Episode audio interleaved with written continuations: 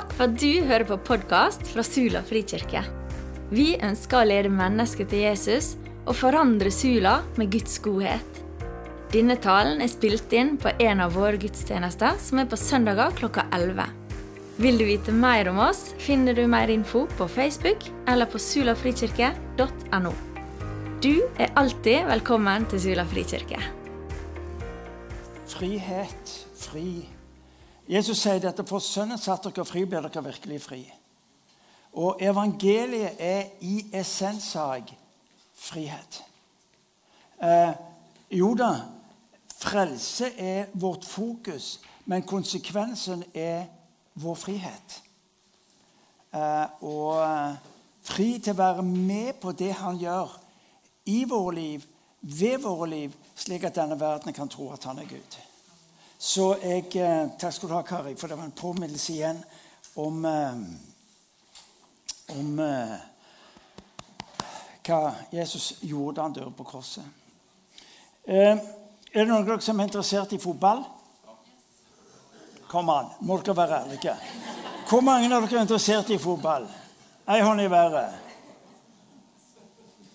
Anders? Kristoffer? Ola, er ikke du interessert i fotball? Er det sant?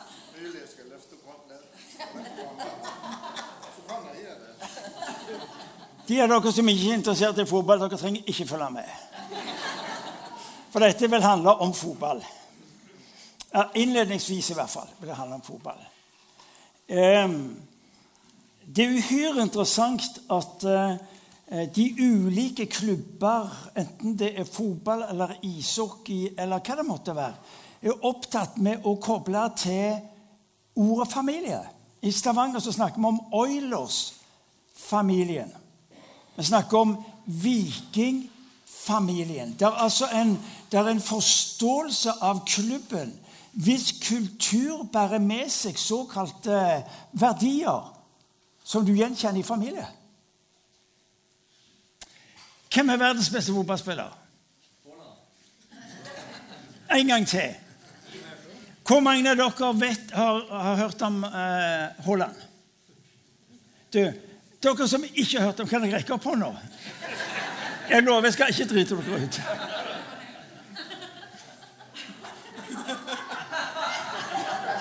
Og du sitter der på første benk og lyver. Han trenger veiledning. Han trenger veiledning. Du eh,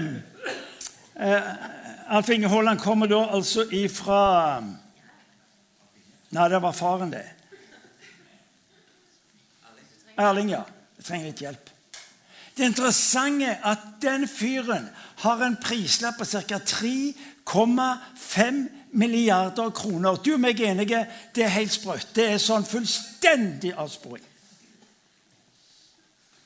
Hvorfor i all verden går man hen og så vil betale så mye for en som springer rundt med eller sparker til ei sånn ei uh, lerflusse?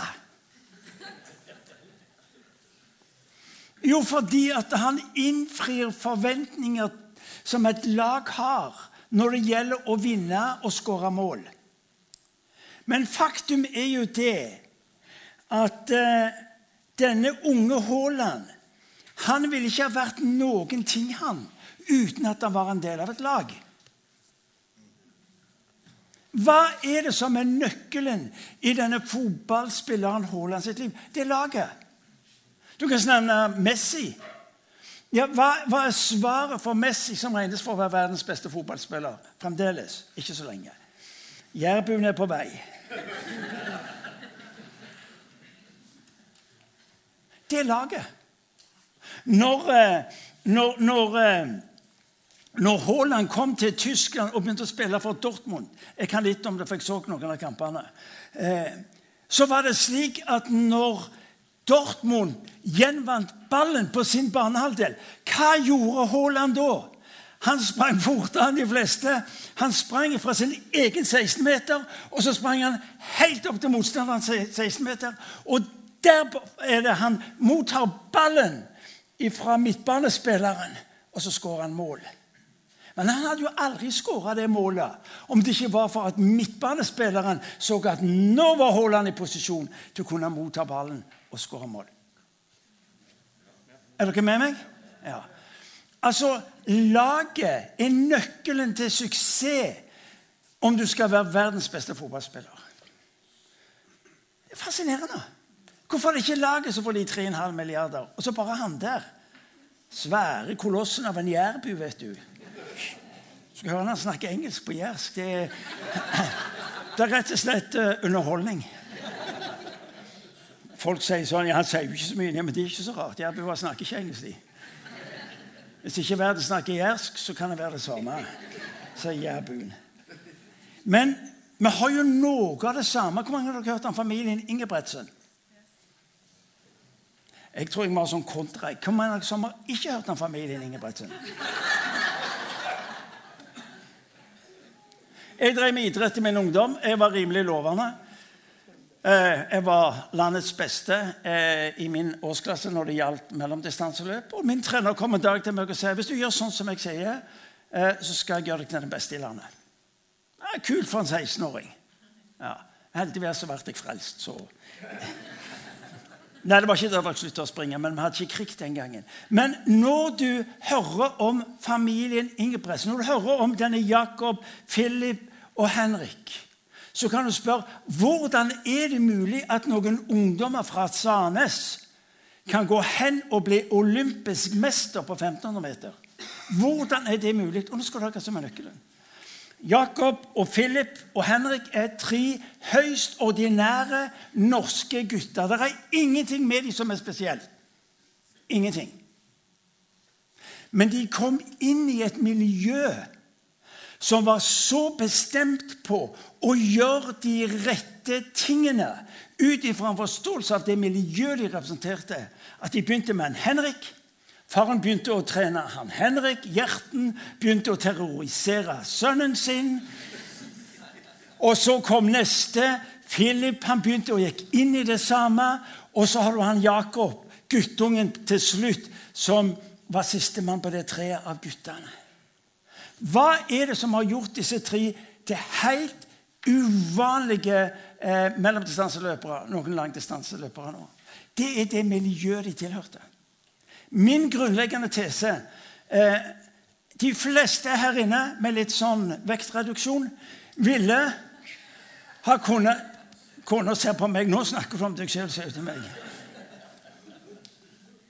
Ville kunne oppnådd mye av det samme? Fordi miljøet gjør oss, gjør deg til den du er, og det du kan bli. Derfor så er miljøene våre avgjørende viktige for at du og meg skal lykkes med det Gud har for oss. Enten det er en fotballspiller, Haaland, eller det er en mellomdistanseløper som Jakob Ingebretsen. Gud kaller deg og meg til å være en del av det miljøet Bibelen kaller det for familie. Til nettopp at du og meg skal bli det ypperste av det han har skapt oss til og frelst oss til være i denne verden. Så jeg skal snakke litt om det. Er det i orden? Du trenger ikke ha interesse for eller bry deg om fotball eller friidrett, men dette har noe med sånne kristelige greier å gjøre. Guds masterplan når Jesus kommer til jord, var å gjenopprette det som var ødelagt. Og hva var det som var ødelagt? Det var familien. Gud i sin plan sier la oss gjøre mennesket i vårt bilde, slik at vi kan etablere den familien som denne jorda trenger til. Guds masterplan var å gjenopprette det som var ødelagt. I Efeserbrevet, kapittel 2, vers 19, så står det noe uhyre interessant. Der står det Derfor er dere ikke lenger fremmede og utlendinger. Nei, dere er de helliges medborgere og Guds familie. Altså motsetningen til å være fremmed og være en del av Guds familie. Dette skjønte dere ikke. Det motsatte vil vi si av å være ensom må jo være være sammen med de mange. Nei. Når Bibelen bruker begrepet, så er det slik at det motsatte av å være fremmed er å være en del av familie. Dere er ikke fremmede lenger. Dere er en del av Guds familie. Min vandring som som eh, kristne kom fra en totalt ikke-kristen bakgrunn. Eh, vokste opp i Stavanger, eh, på, i byens eh, fattigkvarter. Eh, det var for meg paradis. Det var mye, mye fyller og mye, mye politi. Men som fram til jeg var syv år, så bodde jeg der. Og, og var, altså der lærte jeg å drukne katter. og Der lærte jeg å lure folk penger fra folket mine. Alt det der. Det klart, det var jo paradis. Ja. Alle var jo like, og alle stjal fra alle. Så det var sånn. Så når jeg da hører evangeliet for første gang og begynner på denne vandringen eh, som har med Jesus å gjøre, så møter jeg en dag ord om at alle de som tok imot ham, dem ga han rett til å bli ikke-kristen.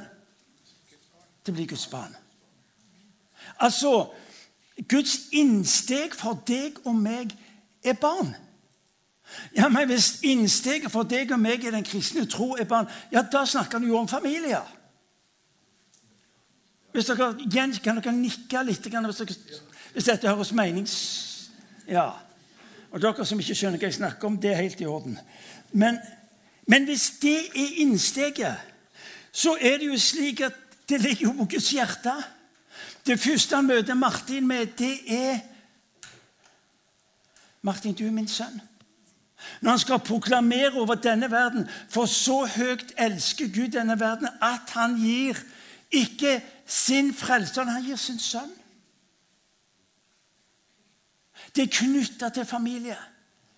Og Hvis ikke du og meg får tak i at når Bibelen omtaler en Gud som stiger ned i denne verden, så er det for å gjenopprette en familie som er ødelagt.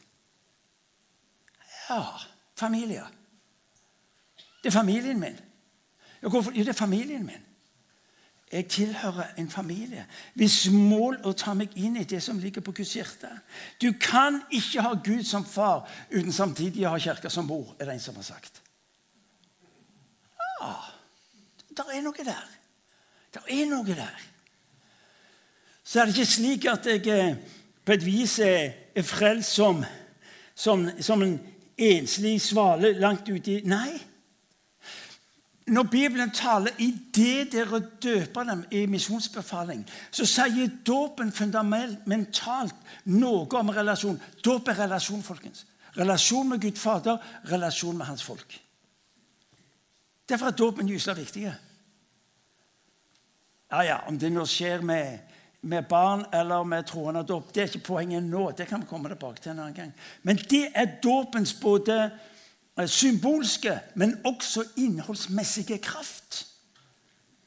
For i dåpen så inngår Gud en pakt med sitt folk. Det er en familiepakt å snakke om. Så ikke reduser Guds familie til noe som du vil gjerne vil kalle for kirke eller religiøs eller kristelig virksomhet. En fornærmelse mot det som var Guds intensjon når han sa 'Du er min sønn. Du er min sønn. Hør nå. Det er rart med familie. Du ser det at eh, Når vi snakker om kirke, så blir ofte spørsmålet om du passer inn. Om det er noe for meg her. What's in it for me? er veldig ofte spørsmålet. Men når du kommer til familien Vi har to jenter. De har aldri stilt spørsmål om de passer inn. De har aldri stilt spørsmål om det er spesielle forutsetninger for å være en del av familien Keiv. Hvorfor i all verden har ikke den tanken slått i? Nei, fordi de er født inn igjen. Du er barn av Guds familie i kraft av den fødsel du har ved det verk Jesus gjør på korset. Fy søren! Det er ikke banning. At man mister det. For det betyr jo at det han har begynt på i mitt liv, det skal han fullføre. Gud er deg nær ved din familie, Guds rike familie. Frelse er nemlig ikke éntall. Frelse er flertall. Og inn i en individualistisk kultur som den vestlige er, så er dette til tider klin umulig å få tak i. For mye av vår formidling, mange av våre sanger, er opptatt med meg, mitt mine. Mens det han lærer oss å be, er jo Ikke Fader min. Altså hvis, hvis Vår Herre hadde vokst opp på Jæren eller i Sula, så hadde bønnen lytt annerledes. Da hadde det lytt 'Fader min'. Jeg hadde det ikke det. Fordi vårt utgangspunkt for verdensforståelsen er jo oss. Hvis denne menigheten ikke passer meg, ja, så går jeg til en ny menighet. Og hvis predikanten ikke er sånn som jeg mener han bør, ja, så går jeg til en annen plass. Hva er det der for noe? Hvor har vi det ifra? Det er noe her som vi må få tak i. Fordi at, eh, ja, som Luther sier, hvordan i all verden er det mulig å overleve uten menigheten? Det finnes en frelsens vertikale og horisontale linjer. Det er linja til Gud, og så er det linja utover til hans folk.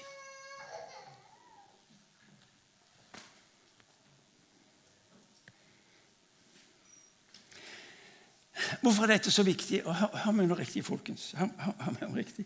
For jeg, jeg, brenner for, og jeg kjenner det er avgjørende i en tid som dette, som noen av dere har hørt meg si noen ganger denne helga. Denne verden spør ikke etter frelse, men den spør etter veien hjem. Denne verden lengter etter en familie hvor de kan kjenne her kan jeg være. Her blir jeg ikke vurdert, her blir jeg ikke prøva. Her får jeg lov til å være den jeg er, med alt som godt mulig skulle vært annerledes.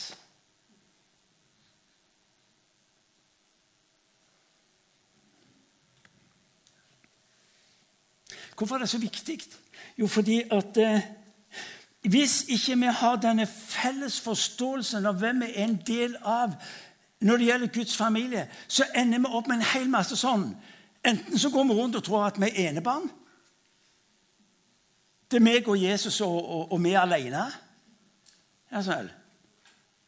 Mange av sangene våre har jo meg som fokus istedenfor oss som fokus. Ja, men hva når livet blir vanskelig og det går, til helvete? Hva, hva, gjør jeg da? Når jeg strever med livet og ikke får det til å gå i hop, og det skulle vært annerledes, hva da? Når, når, jeg snakker med min gode venn Inger, som, som sier Martin, jeg orker ikke mer. Klarer ikke å tro på den der guden. Han, han er jo fullstendig taus og virker jo handlingslamma på det som er min situasjon. Orker ikke, klarer ikke mer. Så sier jeg til ham, Inger, kan jeg få lov til å tro for deg. Ja, det kan du. Og så bærer det gjennom. Så bærer det gjennom til at du i dag reiser rundt og forkynner evangeliet om en Gud som tilgir og som gjenoppretter fordi han er mennesken her. Hør, du, du, må ikke gjøre Guds rike til et spørsmål om dine enkeltmannsforetak.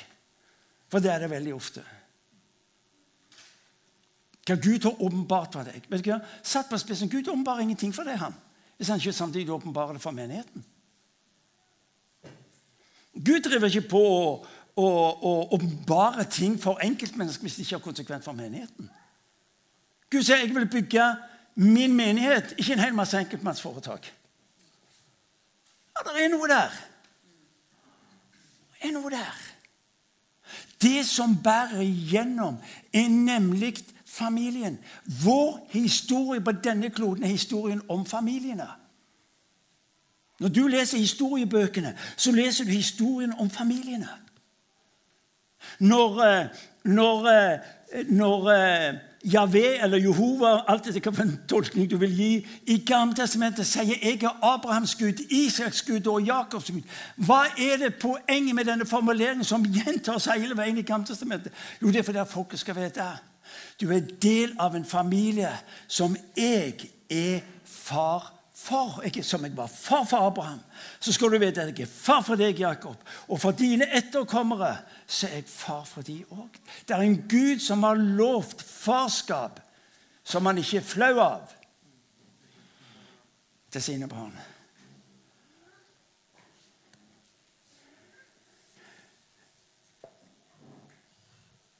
Er det greit? Hvis det virker som jeg er engasjert, så stemmer det.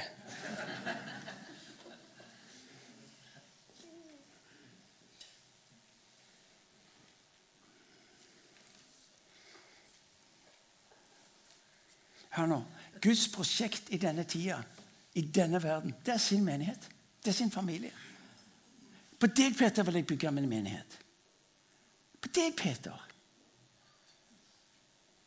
Og så er det menigheten som hele veien er gjenstand for, Peter, for Paulus sine brever. Brever som skal hjelpe menigheten til å lykkes inn i denne verden.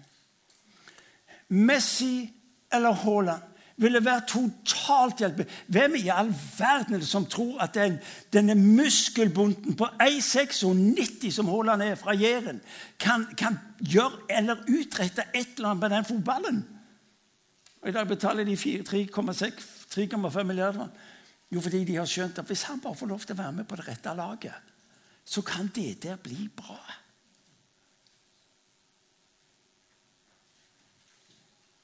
Ja Jeg kunne ha sagt eh, halleluja, men hvis det ikke er naturlig, så Altså, du må få ta, altså Gud har da ikke enebarn. Det er jo ikke slik at, eh, at, eh, som jeg har sagt før her, at når, mine barn Ikke mine barn, våre barn Bare det sier jo veldig mye. Ja, mine barn. Det er da ikke mine barn. Jeg ville vært ikke i stand til å få barn alene. Og jo, Det var noen ganger hvor det, var, det, det smalt og det gikk litt varmt rundt bordet. Og de trua med å flytte ut og sa at dette er ingen plass å være. Dere er teite og følger ikke med og bla, bla, bla. Og ga sin inn. Ut. Ja. ja neste morgen så satt de jo ved frokostbordet. Klart de gjorde det. Ja, Sånn gikk nå dagene, da.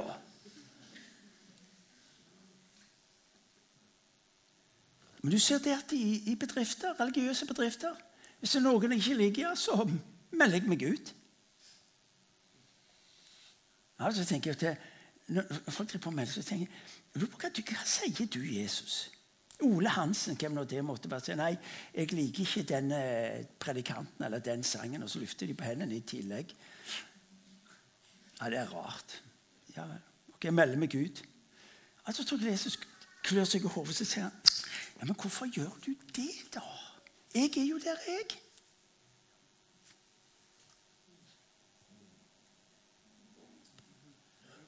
Det, er jo noe der. Altså, Det vi melder oss ut fra, der er jo han fremdeles. Ja, noe sånt.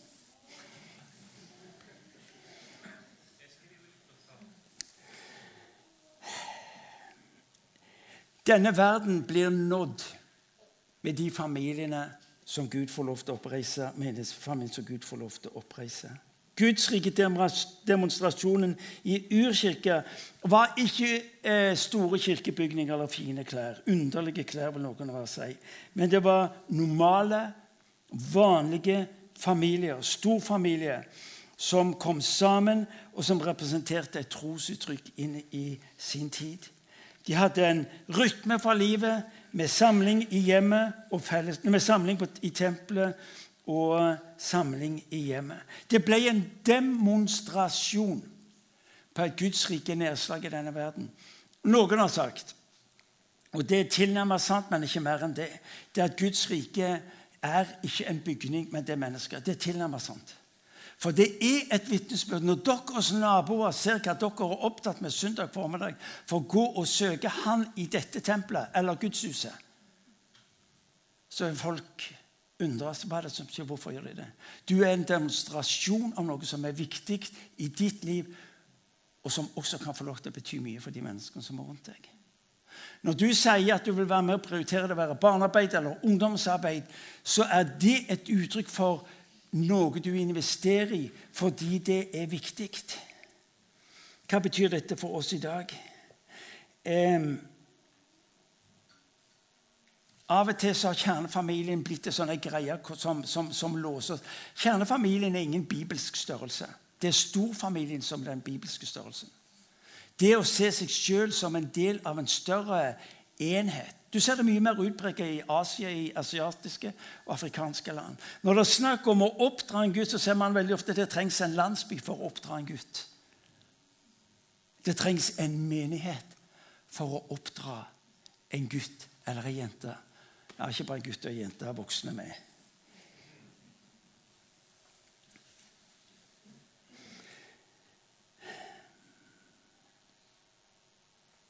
Hva slags struktur har vi da for å se dette? Jo, vi har gudstjenesten. Men vi har også huskirkene, eller husgruppene, eller hva dere kaller som blir det sted hvor vi våger det ærlige livet. Det, det sted hvor vi deler troen og livet med hverandre, hvor vi spiser litt sammen, hvor vi har nattverd sammen. Og så blir dette utgangspunkt for at omgivelsene våre berøres. Det står i, om de første kristne at de hadde yndest hos hele folket. Det står at de var, hele folket var begeistra for dem. For når de møttes i, i, på tempelplassen i, i kirka si, eller i huskirka eller husgruppa si, og så gikk de ut, så betydde de en forskjell. Det klarer du ikke alene. Jeg klarer det ikke alene. Jeg er, jeg er avgjørende avhengig av menigheten i min kirke Stavanger. Folk sier til meg ja, ja, men det er du som må lede den menigheten. Ja, Du skulle bare visst at hvis ikke jeg hadde hatt den menigheten, så hadde heller ikke Cave vært det han er i dag. Jeg er et produkt av Ja, men du Nei da. Jeg er som spikeren jeg er spikersuppa. Jeg har vært der 40 år, ja.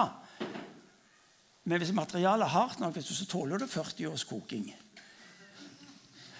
Men det som har gjort meg til den jeg er, og ved det også i min kirke til det den er, det er jo at mennesker har delt sitt liv, lagt sitt liv inn i dette. her, Og sammen har vi blitt et folk under Guds ledelse og kraft til å bety denne forskjellen at denne menigheten vokser fra noen og 20 til i dag en 1300-1400 i dette krysset, og får lov til å drive misjon i 15-20 forskjellige land og en hel haug med ulike virksomheter, har det ikke med denne cave å gjøre.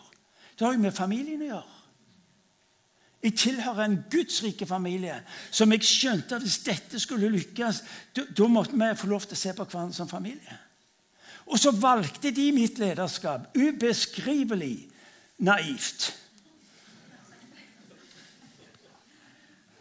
For det er klart at Hvis, det skal være et eh, rekrutteringsbyrå som skulle ha rekruttert meg til å bli pastor men Det er jo det de driver med i dag. De leter etter sånn rekrutteringsbyrå som skal finne de rette pastorene. Ja, hvis de skulle hatt et rekrutteringsbyrå på meg Jeg har ikke kommet med i, i, eh, i runden engang av vurdering. Helt riktig. Kona mi sitter her og sier helt riktig. Og så er det, så er det altså familien som gjør oss til det vi er. Jeg sa det her om dagen hvor. Jeg snakket med en, eh, en eh, ja, en pastor i, i, Thailand som jeg eh, går sammen med. Og så, en dag så sier han til meg at du, Martin, hvordan, hva, hva, gjør du med, med disippelgjøring? Så nei, jeg gjør ingenting. Jeg, jeg får ikke greie på det. Ja, 'Har du ikke greie på disippelgjøring av en menighet som er så stor?' Ja, sa jeg. Nei, jeg har ikke greie på det. Ja, hva gjør du for noe da? Nei, jeg gjør ingenting. Gjør du ingenting? Jeg bare, Jesus sa du skulle gjøre noe. Ja. Nei, altså, det, hjemme hos oss så har vi to jenter. Og jeg, eh, jeg eh, tror jeg eh, gjør en rimelig godt. Vi prøvde familieandakt, men til tre uker så ga vi det opp for da melk og skjeven lå på gulvet og fløyt. Så det der, det der gikk i hop. så vi, vi ga det opp og Irene og meg med, så Hun og meg prøvde å gjøre så godt vi kunne. Men så tilhører vi en menighet. Og de er opptatt med at, å ha et program som gjør at ungene trives. De er opptatt med å hjelpe ungene våre til en bevissthet på troen og livet. Og midt inni der er det jo til og med enkeltmennesker som brenner for å være nær ungene og, og, og sikre at de får lov til å leve dette rike og meningsfulle livet. Wow! Så det er menigheten som oppdrar mine unger. Det er mange her inne som vil spørre hva det stemmer. For det skjedde med mine barn. Du, vi, vi, vi, har fått veldig mange bøker om lederskap og disipler. Jeg pleier å bare brenn de. de. De er ikke til hjelp. For de er skrevet av de folka som har greie på dette her og kan det. Eller i hvert fall i teorien kan det. Vi som ikke kan det, vi må lese bøker om barneoppdragelse og familieplanlegging. Ja, men det kan vi. Ja, hvorfor er familien så viktig? Fordi det er det, det, sted, det viktigste sted hvor barna oppdras. Hva de møter ellers. Folk sier ja, de kommer i dårlig miljø. Ja, vet du hva? Jeg må si at uh, det viktigste i ditt og mitt liv er at meg og deg hjemme, legger grunnlaget for hvor våre barn skal bli der ute. Og så hjelper menigheten oss til å gjøre det samme. Ja, Er det det du gjør? sier denne pastoren i Thailand til meg. Gjør du ikke noe mer der? Så jeg har til dags dato aldri holdt visjonsforedrag for mine barn. Og jeg har heller aldri gitt dem en liste på ti punkter om hvordan leve et meningsfullt liv og lykkes som en kristen i den verden. Aldri. Men vi har forsøkt å modellere for dem. Du ser det at I familien så er det ikke foredragene eller prekenene som er det viktigste. Det er livet du modellerer. Det er tilgjengeligheten. Dette at de kan få lov til å, å være nær opp til å gå sammen med deg. Ja, så sliter de med tvilen, og så får de ikke til troen. og Så, så gjør de en del dumme ting osv. Ja, men gjør da det så farlig, da?